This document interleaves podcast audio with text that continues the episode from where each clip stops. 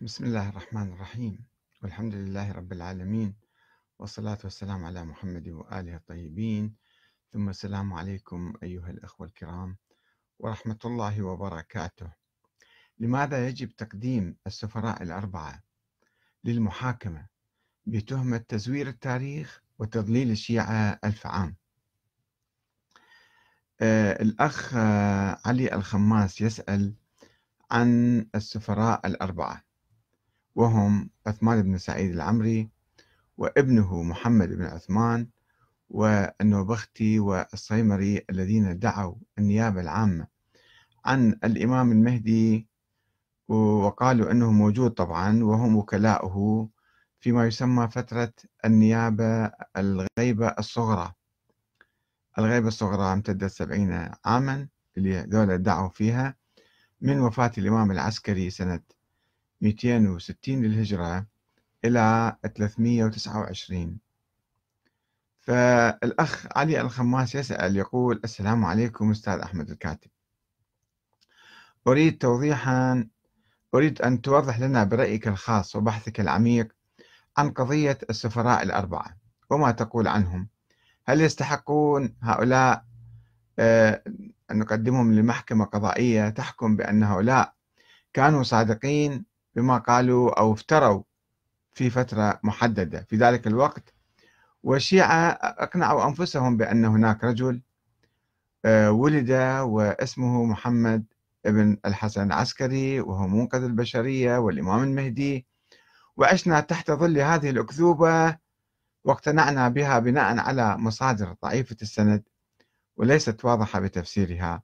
فأرجو أن توضح لنا الآن لأن أكثر الناس في عمري وأصغر مني لا يعرفون شيئا عن السفراء الأربعة وما كانوا وكيف عاشوا وأين انتهى أمرهم ولماذا قضيتهم غامضة والسلام. علي الخماس. في الحقيقة الأخ علي هو أيضا يعني آه، يجيب عن بعض الأسئلة أو ينطوي سؤاله على آه، معلومات أساسية. أن المسائل الدينية يجب أن تكون واضحة كوضوح الشمس. ونحن في الإسلام نستقي عقائدنا أولا من القرآن الكريم. العقائد فقط من القرآن الكريم. والعقائد معروفة هي ما يتعلق بتوحيد الله ونبوة الأنبياء والمعاد في يوم القيامة. هذه أساس العقائد الإسلامية. وهناك فروع للصلاة كالصلاة والصوم والحج والزكاة وكذا وكذا. هذه مسائل فرعية. لا يوجد حتى في السنة النبوية عقائد جديدة أو إضافية على ما يوجد في القرآن الكريم. إنما السنة النبوية مثلا تشرح بعض الأمور. الصلاة مثلا كيف؟ النبي صلى وقال صلوا كما رأيتموني أصلي أو حجوا كما رأيتموني أحج.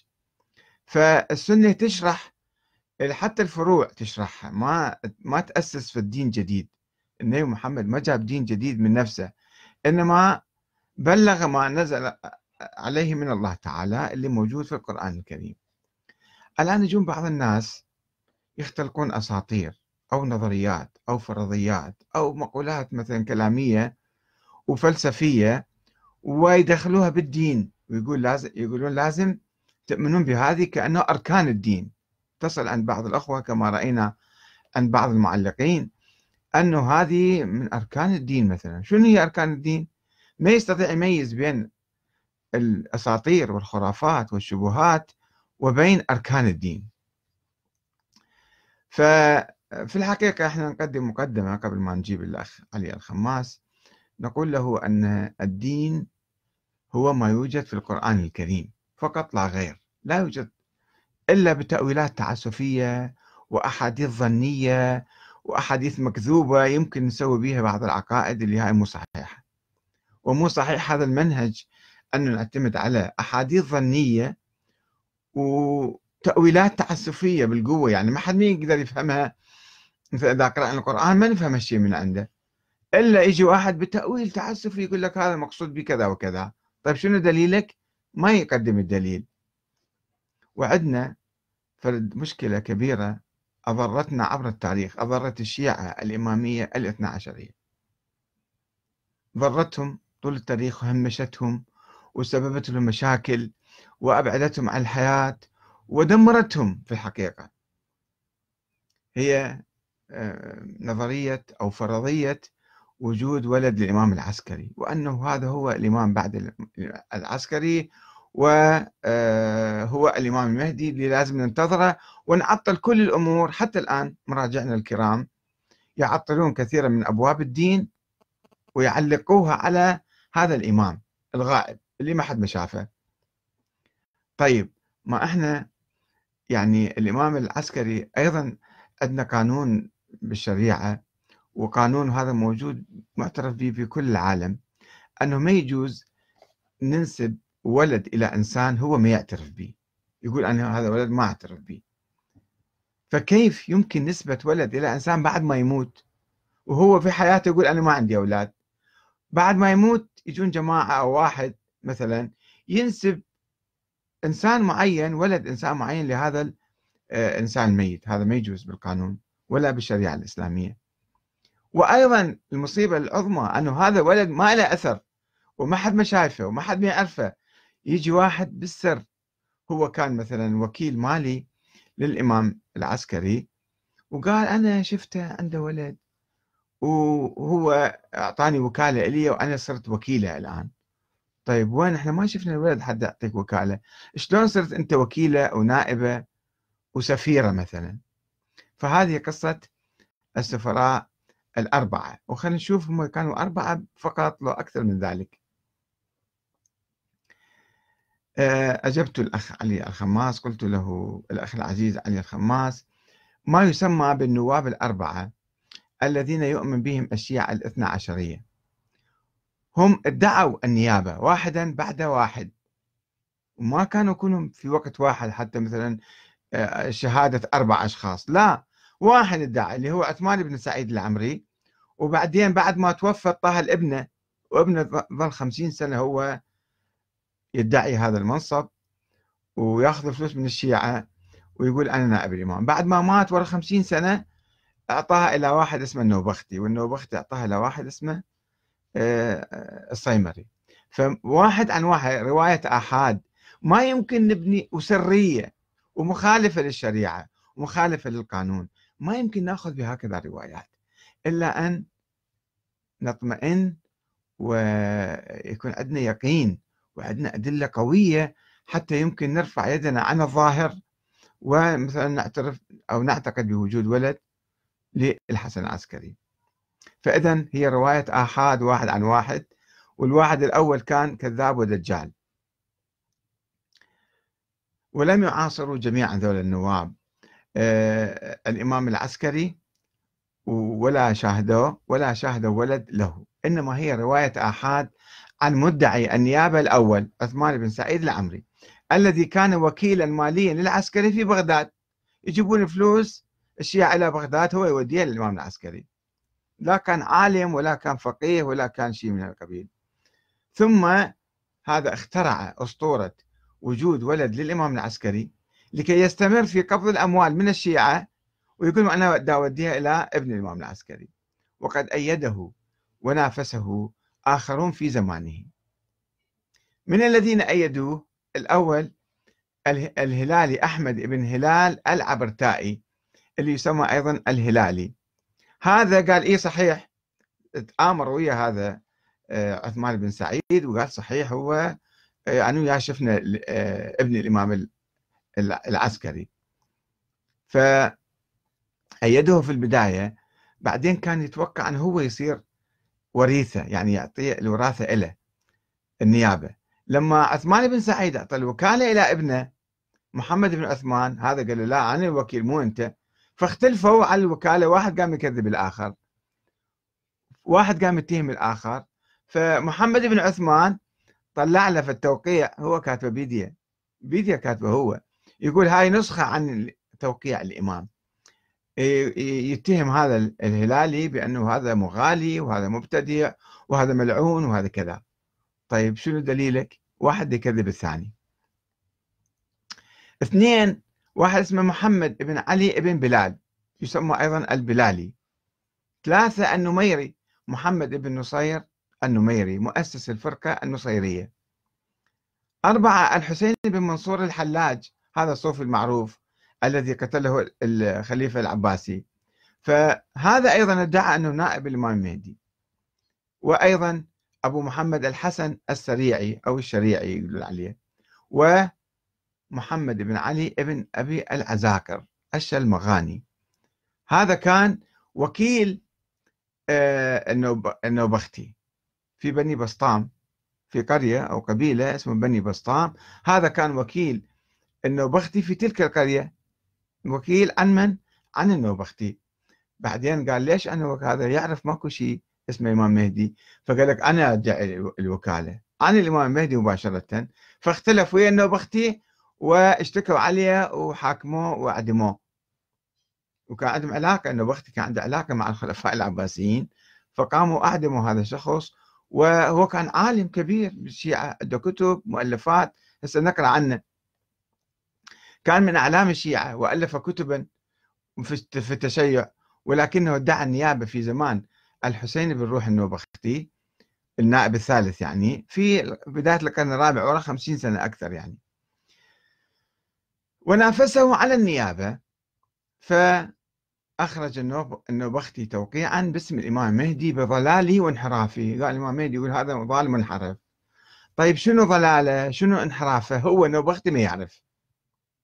يقول هذا ظالم منحرف وقاطعوه وما يجوز واحد يقرأ كتبه حرام واحد يقرأ كتبه. طيب يا نوبختي شنو الضلال والانحراف في كتب هذا آه، ابن أبي العزاكر إيش المغاني؟ هو ما يعرف. فأخذ كتبه وداهن إلى قوم كما يقول الشيخ الطوسي. الشيخ الطوسي في كتاب الغيبة صفحة 240 يقول ودى كتبه إلى قوم قال والله شوفوا لنا يا علماء قوم شوفوا هذه كتبة صحيحة ولا مو صحيحة؟ شنو الأخطاء اللي فيها؟ طب أنت ما تعرف؟ مو أنت تقول أنا آه عندي علاقة ويا الإمام المهدي وأنا نائب الإمام المهدي زين ليش ما تعرض الكتب على الإمام المهدي ليش توديه إلى قوم؟ شوف شلون لفته. مما يثبت أنه هذا إنسان كذاب كان دجال كان. هو ما يعرف لا يعرف شنو الخطأ ولا الصواب ولا عنده علاقة بالإمام المهدي راح ودى الكتب هذا كما يقول الشيخ الطوسي وكل علماء يقولون. أنه هذا ودى الكتب إلى قوم حتى يحققوا ويشوفوا شنو الخطأ وشنو الصواب. ذاك ما جاوبوا ما عندنا جواب من عندهم. ما ندري شنو كان جوابهم وين صاروا. هذا ادعى أيضا النيابة العامة اللي هو شلمغاني يسموه. وهذا ما كان يعني آه، كما قلنا آه، رجل عادي كان من علماء الكبار. اللي قالوا له للنبختي قالوا له هذا شنو؟ ما نصنع بيوتنا مليئة من كتبه. هذا عالم منتشر كان كبير أعلم من النوبختي. النوبختي كان يدعي الوكالة. هذا كان عالم كبير. قال ليش أنا أخذ شرعيتي من آه، النوبختي؟ قال أنا أدعي النيابة. فهو جاوبهم هذا آه، النوبختي. قال أقول لكم كما قال الإمام العسكري في بني فضال. بني فضال علماء بالكوفة علماء شيعة كانوا وكانوا يؤمنون بالإمام العسكري إمامية كانوا حتى ولكنهم كانوا فطحية.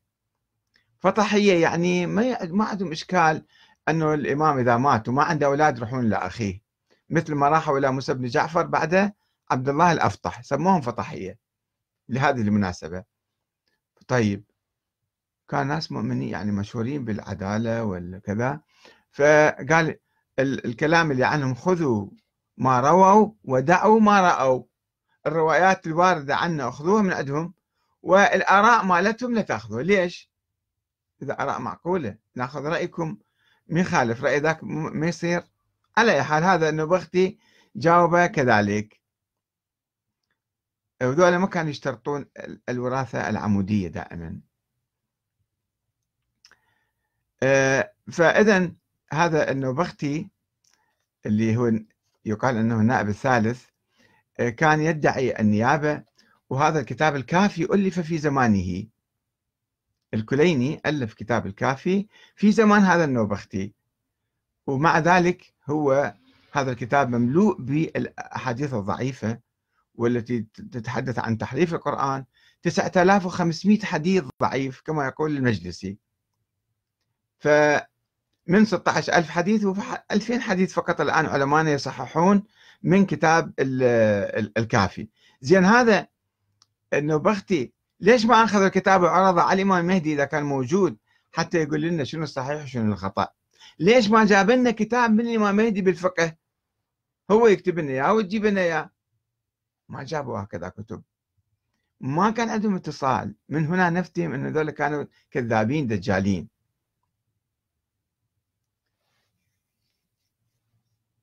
وبعدين الدعوة مالتهم هذول أظن صاروا كم واحد؟ مو هذول أربعة واحد عن واحد. بس في الأيام الأولى بعد وفاة الإمام العسكري كما تحدثنا قبل قليل مجموعة ادعوا النيابة عن الولد ووجود الولد وذول نوابه وواحد صار يكذب الآخر فافترقوا الشيعه إلى فرق اثنا عشرية ونصيرية وكذا وكذا صاروا يعني فرق متعددة. كل مجموعة يؤمنون ب فد واحد من ذول الكبارية. وإذا كان هؤلاء النواب الأربعة يدعون أنهم صادقون وأن بقية المدعين مثل الهلالي والبلالي والنميري والحلاج والشلمغاني وغيرهم كاذبون فما هو مقياس الصدق والكذب؟ شلون نعرف أنه هذا هذا صادق وذلاك كاذبين مثلا؟ وكلهم يدعون أمرا سريا لا دليل تاريخيا عليه ومو في شيء بالظاهر. بل مخالف لقوانين الشريعة الإسلامية التي تحرم نسبة ولد إلى إنسان. ينكر بنوته هو يقول أنا ما عندي أولاد. في حياته فكيف بنسبة ذلك الولد إليه بعد وفاته؟ ودون ظهور أي أثر لذلك الولد الشبح المزعوم. يقول الشيخ الطوسي في كتاب الغيبة بأن هؤلاء النواب الأربعة كانوا يعلمون الغيب ويأتون بالمعاجز وهو قول عظيم وإفك كبير. لم يدعي رسول الله ولا أئمة أهل البيت مثله لا كانوا يدعون علم الغيب إلا ما يعلمه الله للنبي فقط ولا يدعون المعاجز وكيف يمكن إثبات دعوة النواب بعلم الغيب؟ أو انه عندهم معاجز. افترض هم سووا معاجز وعندهم علم غيب شلون نتأكد إن هم سووا هالأشياء؟ ماكو أي دليل عليهم. وقد ادعاها بقية النواب الكاذبين. فلماذا نكذب هؤلاء ونصدق هؤلاء. شوفوا هنا أيضا الإمام. هو هذا الشلمغاني أيضا آه، من المناسب ان ننقل قوله. يقول ما دخلنا مع أبي القاسم الحسين بن روح في هذا الأمر إلا ونحن نعلم فيما دخلنا فيه. لقد كنا نتهارش على هذا الأمر كما تتهارش الكلاب على الجيف. يعني كان متآمرين.